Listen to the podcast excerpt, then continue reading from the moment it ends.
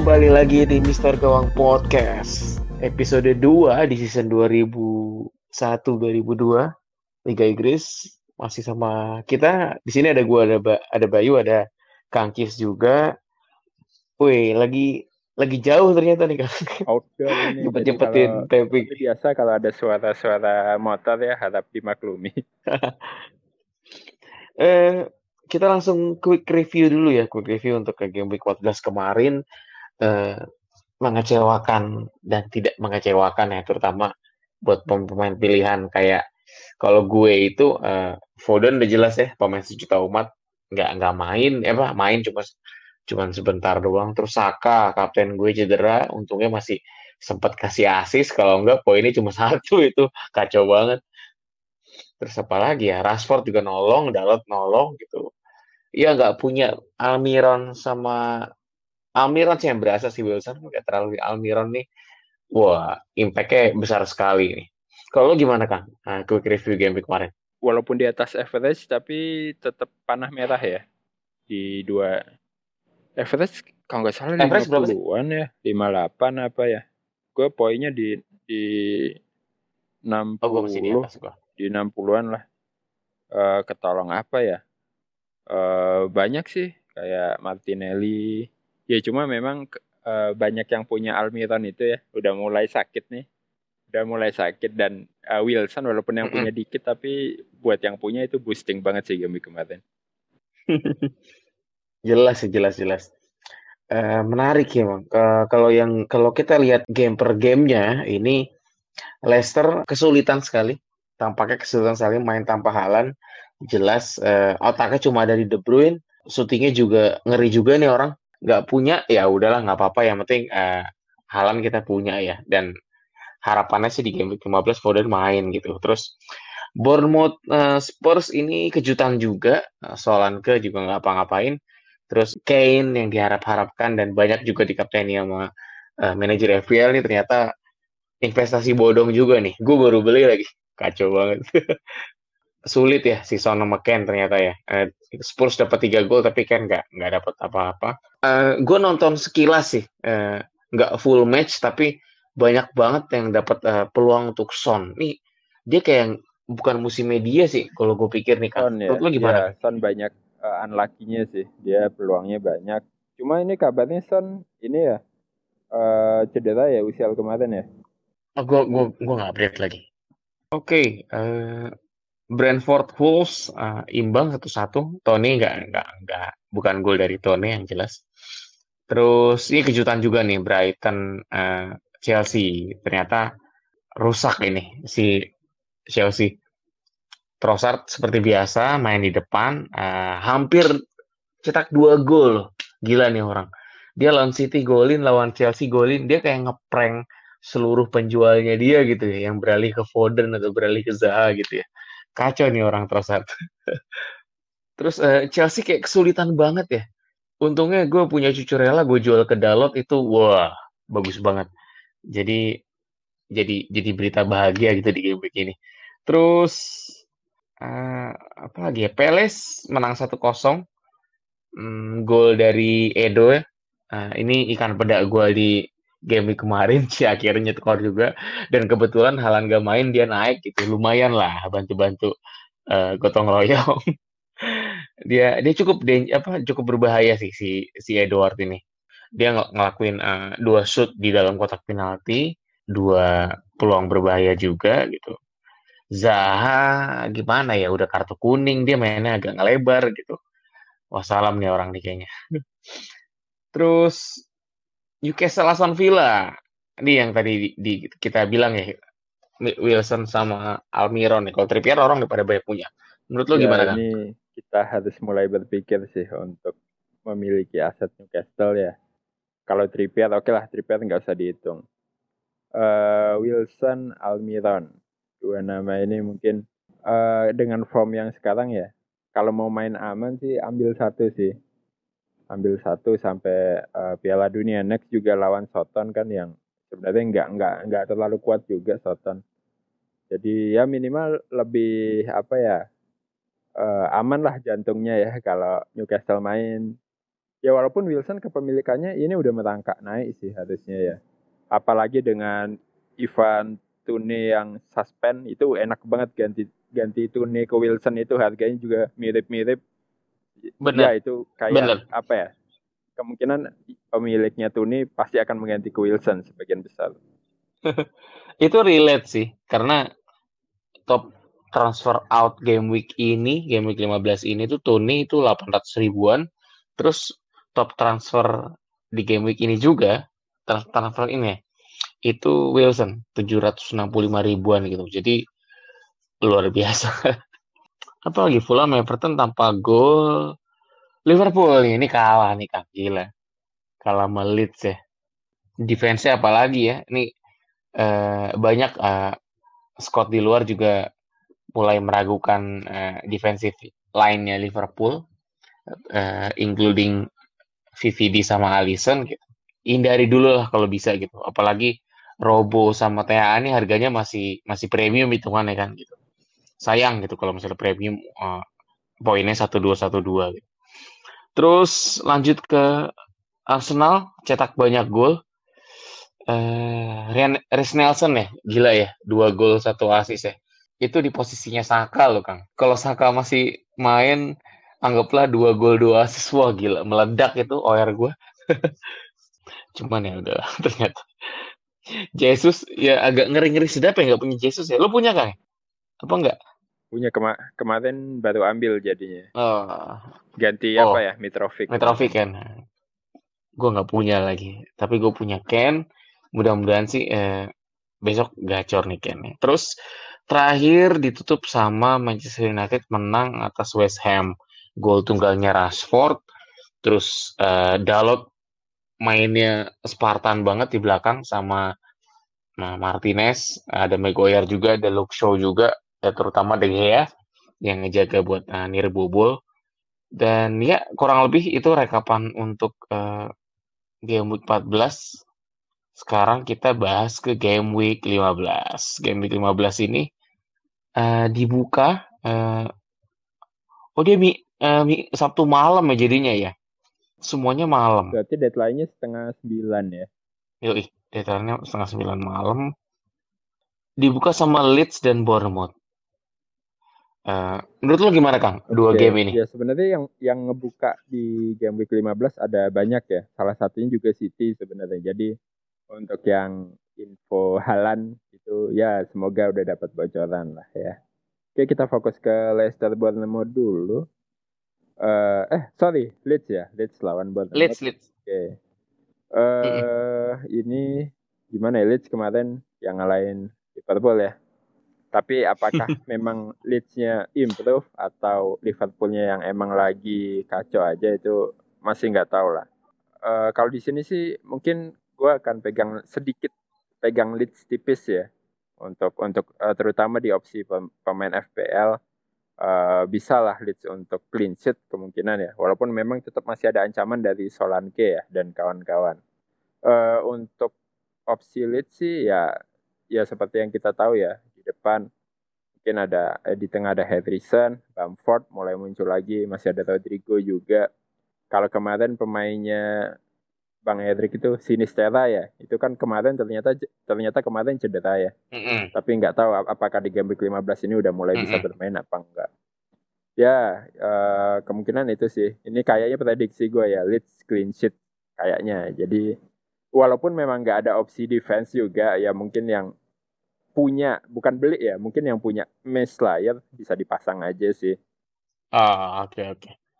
Tadi menarik uh, lo nyebutin satu nama striker yang sempat uh, gemilang cik, di awal awal musim FPL ini. Gue sempat punya juga dan sempat ngerasain uh, kegemilangannya doi.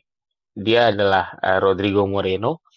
Di tiga game week awal ini dia cetak empat gol satu assist gitu. Terus uh, di dua game week terakhir memang uh, dia belum sekonsisten uh, menit bermainnya belum sekonsisten di awal musim tapi mulai dapat kepercayaan dan uh, keep scoring. Ini menarik nih.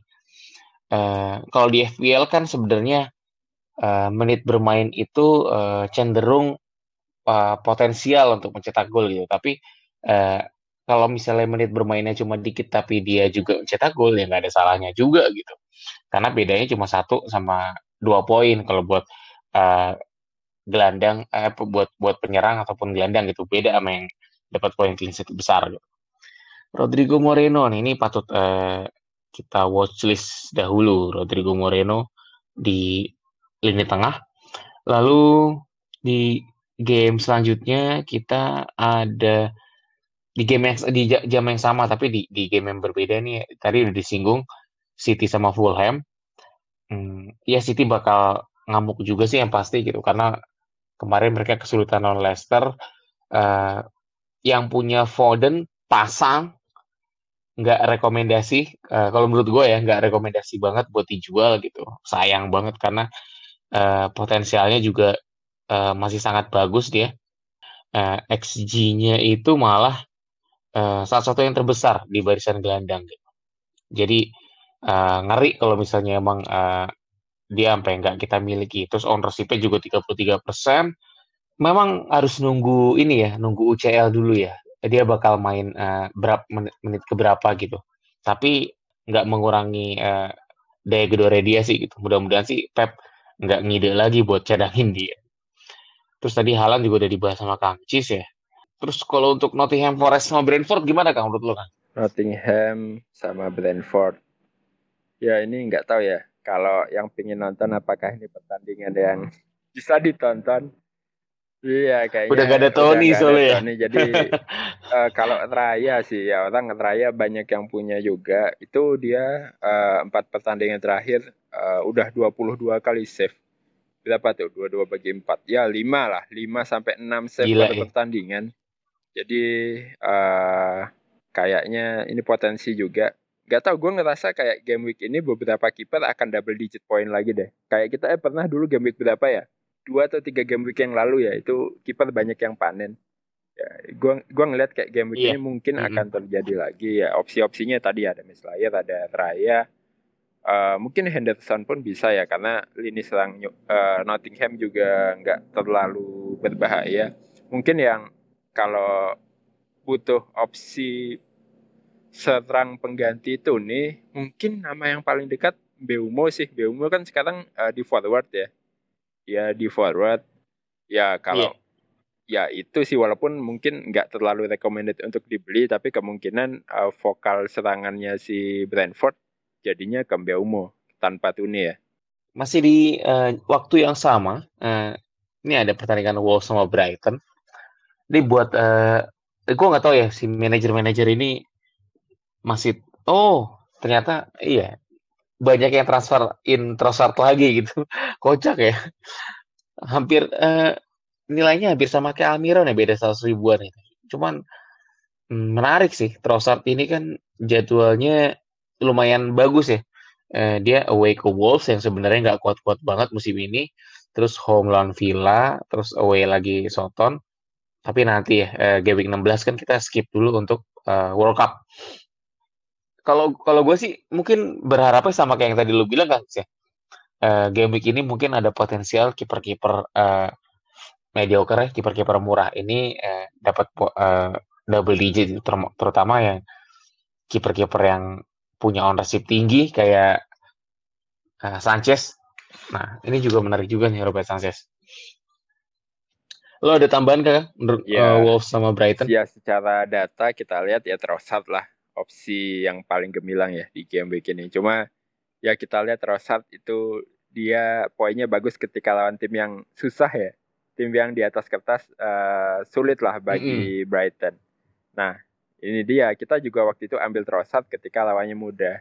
Tapi nggak memang nggak langsung dapat hasilnya pada saat itu.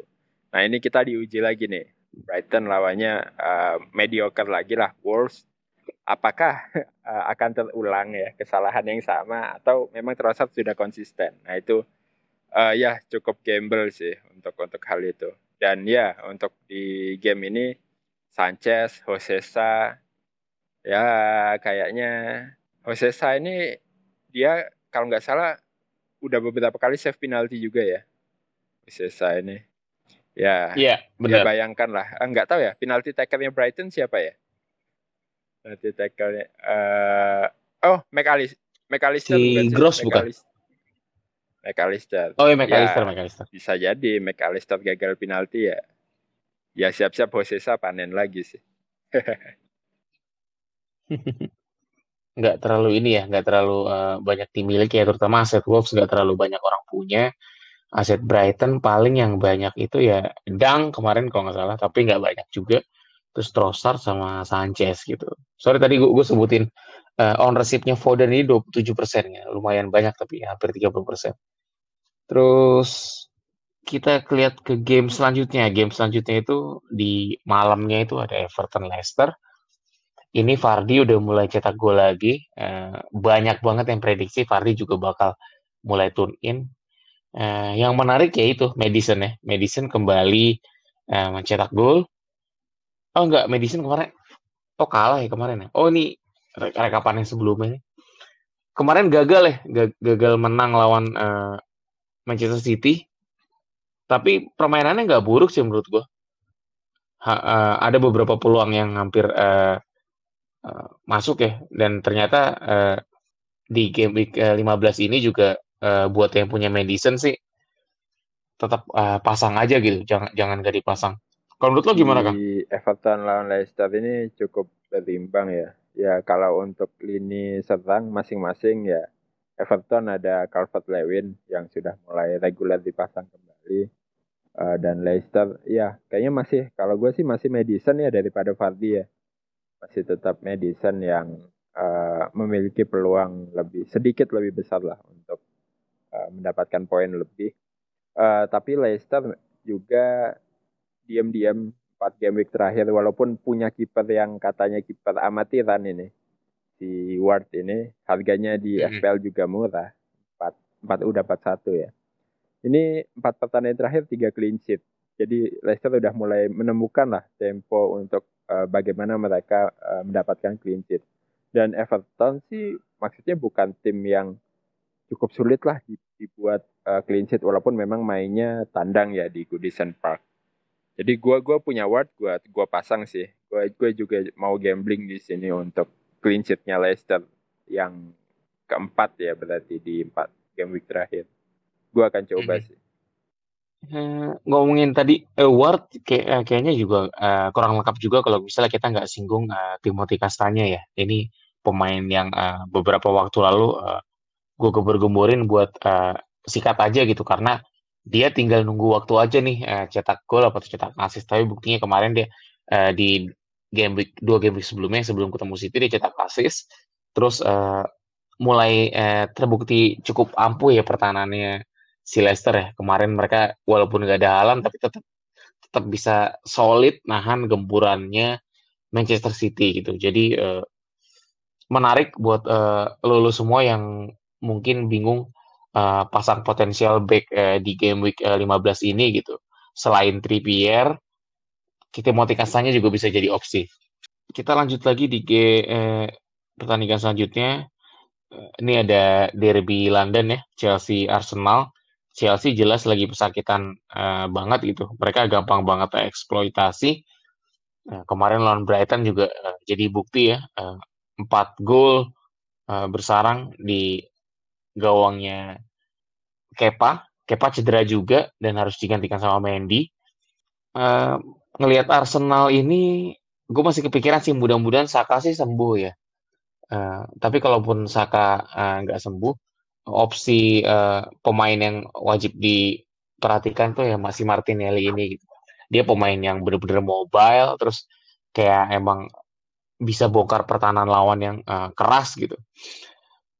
Ada tanggapan nggak kan mengenai Chelsea Arsenal? Ya, uh, somehow ini bisa jadi game yang menjadi titik baliknya Chelsea ya. Ya, ya kita tahu lah kadang drama-drama di uh, Premier League ya. Game-game kayak gini nih malah yang bisa jadi titik baliknya Chelsea ya melawan Arsenal uh, untuk opsi FPL ya nggak tahu sih kalau Chelsea udah mulai udah mulai nggak jelas ya uh, karena ya formnya lagi jelek begitu memang uh, lagi oke okay juga nyebar ya poinnya tapi ya di sini mungkin dua nama yang uh, bisa di highlight ya uh, best of the worst uh, ya Sterling uh, Mason Mount ya kurang lebih nama-nama itulah Kalau dari Arsenal ya ah ownershipnya tinggi pemain Arsenal ya. Uh, Gapjes, Martinelli ya sebenarnya Saka tapi Saka uh, belum ada info juga kondisinya seperti apa. Benar. Ya. Kita belum tahu. Uh, untuk back Arsenal sih nggak tahu ya. Karena karena gue ngelihat Chelsea mungkin menang, uh, mungkin agak susah juga mau clean sheet kali ini ya di Stamford Bridge. Iya, untuk potensi potensial pemain apa pemain yang kemungkinan uh, mendulang poin uh, ya opsi di Arsenal jelas uh, si Benjamin White sama Saliba ya. Uh, apalagi Saliba yang ownership-nya 32% menarik juga dinantikan gitu dan rataan uh, poinnya di 6 game terakhir juga uh, hampir 30 poin. Uh, sama si Ben White juga kurang lebih segitu. Lalu ada Aston Villa lawan ketemu uh, Man United nih di jam-jam jam 9 malamnya ya. Man United punya pertahanan yang uh, cukup padat sekarang ya. Mereka rapi banget kemarin pas lawan West Ham. Uh, ngejaga uh, biar nggak kebobolan. Gea juga main tapi luar biasa. Tapi satu nama yang emang lagi hot banget si Rashford ini. Hmm, walaupun nggak masuk ke top 5 top transfer in di uh, game week 15 ini tapi uh, ternyata ownership-nya juga nggak dikit ya, dia hampir 20%, 17%, 17%. Uh, kemarin uh, beberapa peluang uh, hampir cetak brace juga, tapi peluang paling matang ya golnya dari umpan uh, manis Erikson gitu. Untuk back belakang jelas uh, Dalot bisa jadi uh, opsi juga, apalagi uh, dia pemain yang paling diandelin sama Ten Hag ya di sisi kanan, jadi uh, untouchable. Nggak nggak nggak akan terganti gitu. Any thought kang soal Villa MU ini? Ya main-mainnya tetap transport ya uh, yang paling konsisten bisa diandalkan dengan harga terjangkau masih transport untuk di MU uh, untuk clean sheet ya MU juga back on track untuk clean sheet tiga tiga clean sheet dari empat pertandingan terakhir Nah, ini yang mungkin mau gue tanya ya. Kemarin udah tanya, tapi sekarang mungkin case-nya berbeda. Untuk Ronaldo, gimana nih? Ronaldo, uh, apakah kira-kira akan main lawan uh, Aston Villa menurut lo? Kita akan lihat game uh, eh, UL dulu kali ya. Penasaran juga sih. Uh, di situ uh, bakal kebaca juga pemain-pemain yang uh, kemungkinan bakal jadi starting, khususnya di lini tengah dan lini depan Terlebih kita juga tahu Martial udah mulai uh, latihan. Tapi tetap kalau misalnya emang belum uh, dan kalau Sancho juga belum uh, fit 100%, kemungkinan uh, front three-nya bakal sama sih. Uh, kiri Rashford, depan Ronaldo, kanan Anthony. Karena MB juga udah udah mastiin lolos, jadi sebenarnya uh, no reason buat Anthony main di UL gitu. Si Anthony butuh menit bermain uh, dibanding Elanga untuk uh, Liga Inggris gitu karena uh, pace-nya beda, pressure-nya juga beda. Di Liga Inggris kan ya itu ya, mau tim besar mau tim kecil konsistensi harus dijaga banget ya gitu ya. Ini juga uh, jadi perhatian khusus kemarin. Kita nyambung aja yang Liverpool. Uh, dia di UCL menang terus ya lawan Ajax menang lawan Napoli kemarin tadi malam menang. Tapi di Liga Inggris ini konsistensinya masih dipertanyakan gitu terutama lini belakang yang uh, bisa uh, dibobol gitu. Lanjut uh, Southampton Newcastle. Tadi sempat dibahas uh, Almiron dan Wilson ini jadi uh, top 5 transfer in di game week ini otomatis uh, bakal banyak banget yang triple Newcastle. Nggak salah sih karena memang poinnya bagus gitu. Gimana Kang? Betul Kang fenomena triple Newcastle ya, sangat wajar sih ya Trippier tadi udah Wilson itu pengganti praktis dari Tuni Almiran lagi naik daun uh, ya tiga itu udah pasti tapi kayaknya udah banyak juga yang punya Nick Pop ya nah mungkin mereka para owner Nick Pop ini bingung nih untuk opsi ketiganya mau Wilson atau Almiron. Uh, bahkan tim tim Newcastle aja kita bingung nih triple-nya mau siapa ya? Triple-nya mau siapa? Uh, ya alternatif alternatif lain sebenarnya bisa sih kalau emang mau cari diferensial ya diferensial di Newcastle. Mungkin kayak uh, Sar ya. Sar kemarin udah gue mention masih gue mention karena memang masih rajin melakukan shoot on target uh, ya rata-rata satu shoot on target per game ya untuk uh, share. Ya bisa jadi uh, benar-benar diferensial sih ketika memang uh, yang lain punyanya nama-nama yang tadi kita sebutin. Kalau emang pingin beda mungkin terutama untuk yang rank-rank di bawah ya. Rank-rank uh, yang masih tujuh digit tujuh digit ini bisa lah. Soalnya kalau ngambil yang sama-sama aja ngambil yang template-template aja. Oke okay, kalau mereka bagus ya ya tetap nggak ngangkat nggak ngangkat poin lu sih. Karena yang lain juga pada punya. Ya ya at, at some point kita memang harus uh, punya pemain pembeda ya untuk ngedongkrak tim kita. Cuman momentumnya harus benar-benar pas. Nah itu yang yang kita nggak bisa prediksi sih. Memang ada sedikit faktor luck juga di situ. Iya. Setuju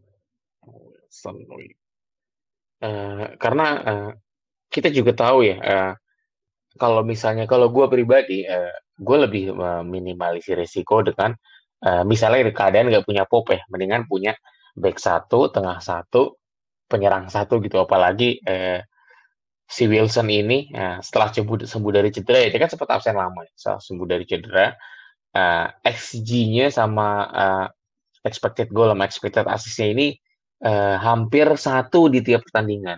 Jadi hampir satu otomatis ini orang tuh hampir selalu ini rata-rata tapi ya hampir selalu bisa uh, menghasilkan poin gitu. Dia juga eh, nyerepet-nyerepet Ken yang hampir satu. Kalau Halan mah udah jelas sudah lebih dari satu average-nya ya. Jadi uh, gak heran juga uh, banyak alasan alasan analisis orang-orang yang pengen beli Wilson karena ya memang secara secara secara secara analisis secara data uh, dia ini pemain yang uh, potensi cetak gol sama cetak assist ini besar sekali gitu sih si Wilson ini. Uh, lanjut kita di pertandingan selanjutnya itu ada West Ham lawan Palace. Ini jelas West Ham kemarin kalah dan pengen nyari poin di kandang, sedangkan Palace ini lagi hot-hotnya gitu. Salah satu pemain yang uh, patut diwaspadai jelas sih ini sih Hudson Edward, uh, pemain ikan peda gue kemarin gitu. Dan uh, potensinya juga bagus uh, di 6 game week terakhir nih expected uh, goal uh, si Edo ini gol sama asisnya ini ya lebih dari satu gitu. Jadi diharapannya dia bisa kasih uh, kejutan untuk uh, Newcastle eh untuk si West Ham gitu. Kalau Zaha aduh gimana ya? Dia angin-anginan sih Zaha nih ini pemain yang paling susah ditebak gitu lo ada pendapat ya soal game si WSM lawan Perez ini? Ya, untuk yang punya Zaha ya kita sama-sama lah merasakan uh, ya udah mulai nggak konsisten semenjak melebar ya. Oh, lu punya juga ya?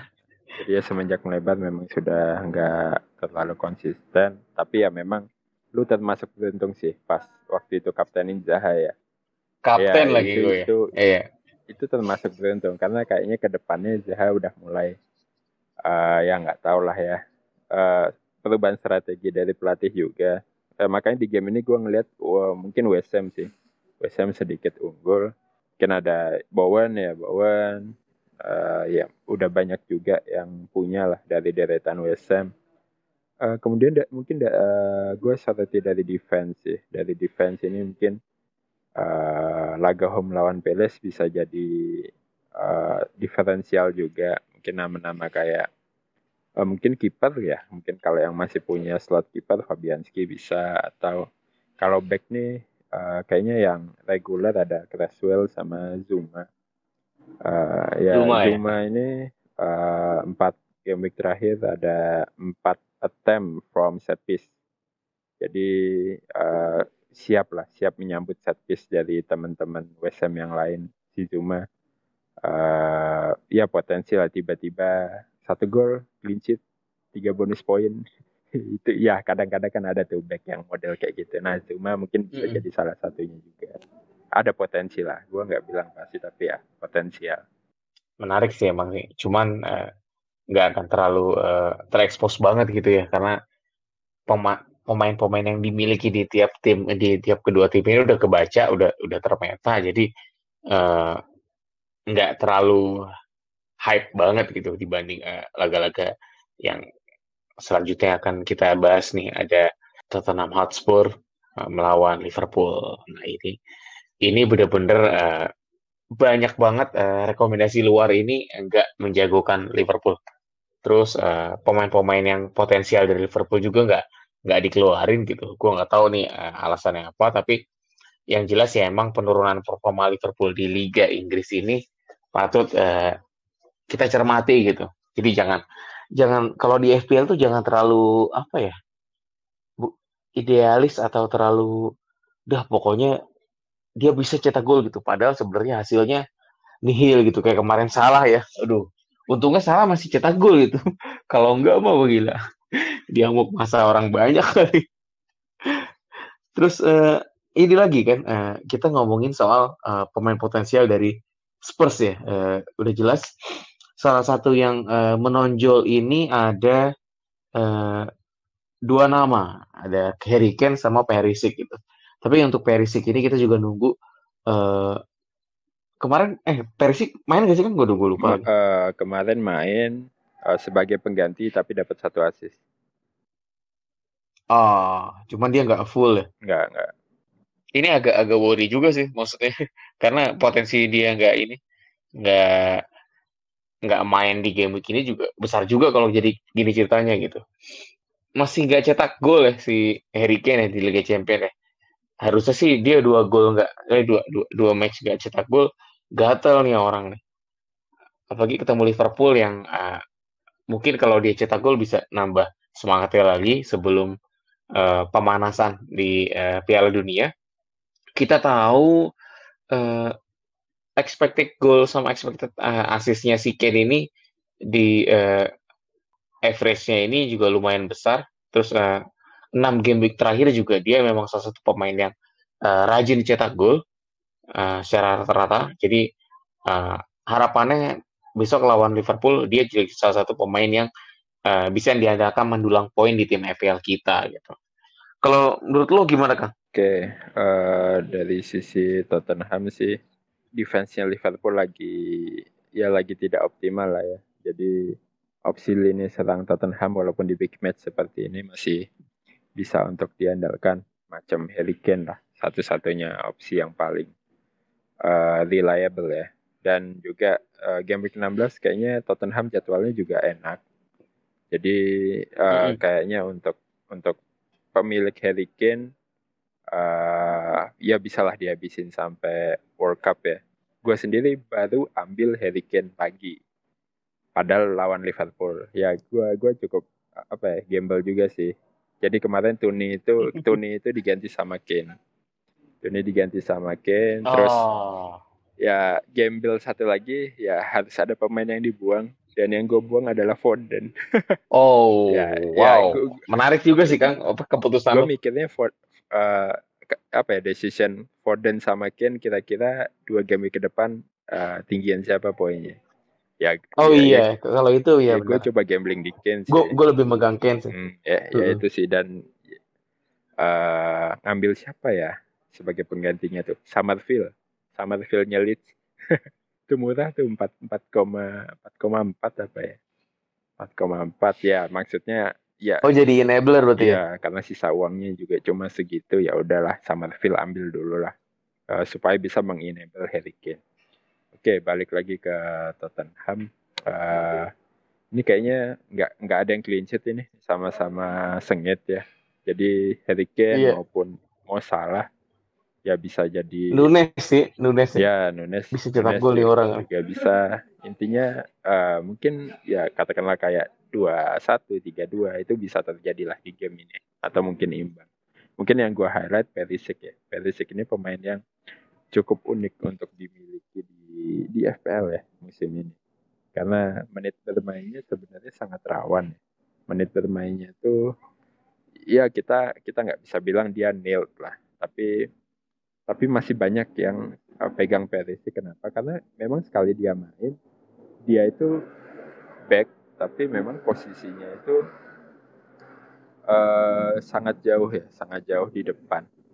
Jadi dari empat empat game week terakhir empat game week terakhir si Perisic ini uh, 56% touch yang dia lakukan tuh di sepertiga lapangan depan Ih, banyak itu loh. Ya itu hitungannya udah mid mid sih, udah mid ke forward sih. Nah, mm -hmm. ya itu itu hal yang apa ya?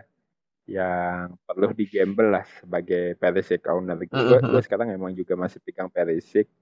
Uh, ya udahlah, maksudnya resiko apakah dia bermain full atau enggak itu udah gue ambil. Jadi gue akan pasang aja terus si Perisic ini. Kecuali memang nanti udah benar-benar kelihatan polanya ya, misalnya uh, di IPL udah fix cadangan, di UCL fix main. Nah itu mungkin akan berbeda. Tapi dengan masih nggak pasti kayak gini, gue sih masih berani ya. Intinya dengan harga segitu tiba-tiba dapat opsi hitungannya lini serang ya, lini serangnya Spurs. Wah itu worth banget sih lini serang yang kalau sheet dapat poin. Wah itu gila sih. Iya, kurang lebih itu ya uh, rekapan kita untuk preview di game week 15 sebelum kita tutup, uh, kita share dulu nih Kang, cakap sama ikan peda di game week 15 ini. Kalau gue calon kaptennya uh, Halan ya jelas ya masih dipegang Halan, tapi kalau misalnya Halan nggak main, Vice-nya bisa ke Foden. ini agak ngeri-ngeri sedap sebenarnya karena gue sempat ke tweet kan kalau uh, kalau nggak jelas gini jangan sampai Vice Foden eh bener kan ada yang kejadian tuh Uh, mungkin Almiron ya kalau gue ya, Vice ya. Kalau lu siapa Kang dari kapten? Kalau di tim gue sih gue masih ya sambil menunggu info ya. Gue masih mau coba gambling ini sih, gambling Halan sama. Uh, masih mau coba gambling Halan karena memang masih ada kemungkinan dia main. Tapi kalau memang benar, kalau memang nggak pasti sih, ya antara Ken sama Salah sih, antara Ken sama Salah uh, harusnya salah satu di game Tottenham lawan Liverpool itu salah satu ada yang bisa meraih poin lebih. Cuma ya ya kita lihat sampai deadline nanti lah uh, apakah Kane atau Salah yang yang akan memegang ban kapten jika memang kalian nggak main. Oke. Okay. Untuk uh, ikan peda, ini kan pemain beda, uh, ownership di bawah 10%. Uh, gue pegang uh, Timothy Kastanya sih kan kalau gue kan gue berharap pemain ini bisa. Ini, ini orang kan asis udah ya. Cetak gol juga udah di awal-awal. Gue harap sih dia bisa cetak gol di game 15 lagi nih. Ini main upfront loh dia loh kalau lawan tim yang nggak dominan kayak City kemarin gitu. Sering sering banget maju ke depan tahu-tahu cetak tahu-tahu nendang gitu. Kayak Rich James ya. Cuman kalau Rich, apa Rich James kan kokoh banget ya pemain ini orang kayaknya maunya golin aja, maunya nembak aja. Terus kalau udah dribbling tuh ngeri gitu kayak badannya gede juga kan. Nah, si Kastanya ini tipe tipe softnya gitu. Jadi bukan yang bukan yang kerasnya gitu. Cuman kalau dari gue agak susah juga nih gue punya tiga back yang lumayan solid, Trippier, Cancelo, Dalot. Uh, cuman Kastanya ada di bench pertama gue sih. Dan itu ya ikan peda gue lebih lari ke Timothy Kastanya. Lu siapa kan? Ya uh, ya biar konsisten lah dari apa yang udah uh, kita bahas tadi. Gue pegang Zuma deh. Ya tiba-tiba Zuma ya, oh. itu berharap ini dua-duanya back semua nih kita nih. satu gol clean sheet tiga bonus poin. Mantap. oke okay. oke. Okay, kira-kira itu ya biar nggak kebanyakan pembahasan kita uh, di game week di episode 2 di game week 15 ini. Semoga panah hijau Uh, semoga uh, kalau yang main FPL Deathmatch terhindar dari menjadi budak FPL kayak kemarin gue nyaris banget kan. Gokil gokil. Thank you Kang Cis atas waktunya. Uh, terima kasih yang sudah mendengarkan. Jangan lupa kalau misalnya ada pertanyaan atau hal apa pun mengenai Mister Gawang mention kita aja di Twitter at Mister Gawang Pod. Yang lagi di jalan hati-hati ngedengerinnya Eh, salam-salam sama keluarga di rumah. Uh, Mister Gawang podcast cabut dulu. Thank you.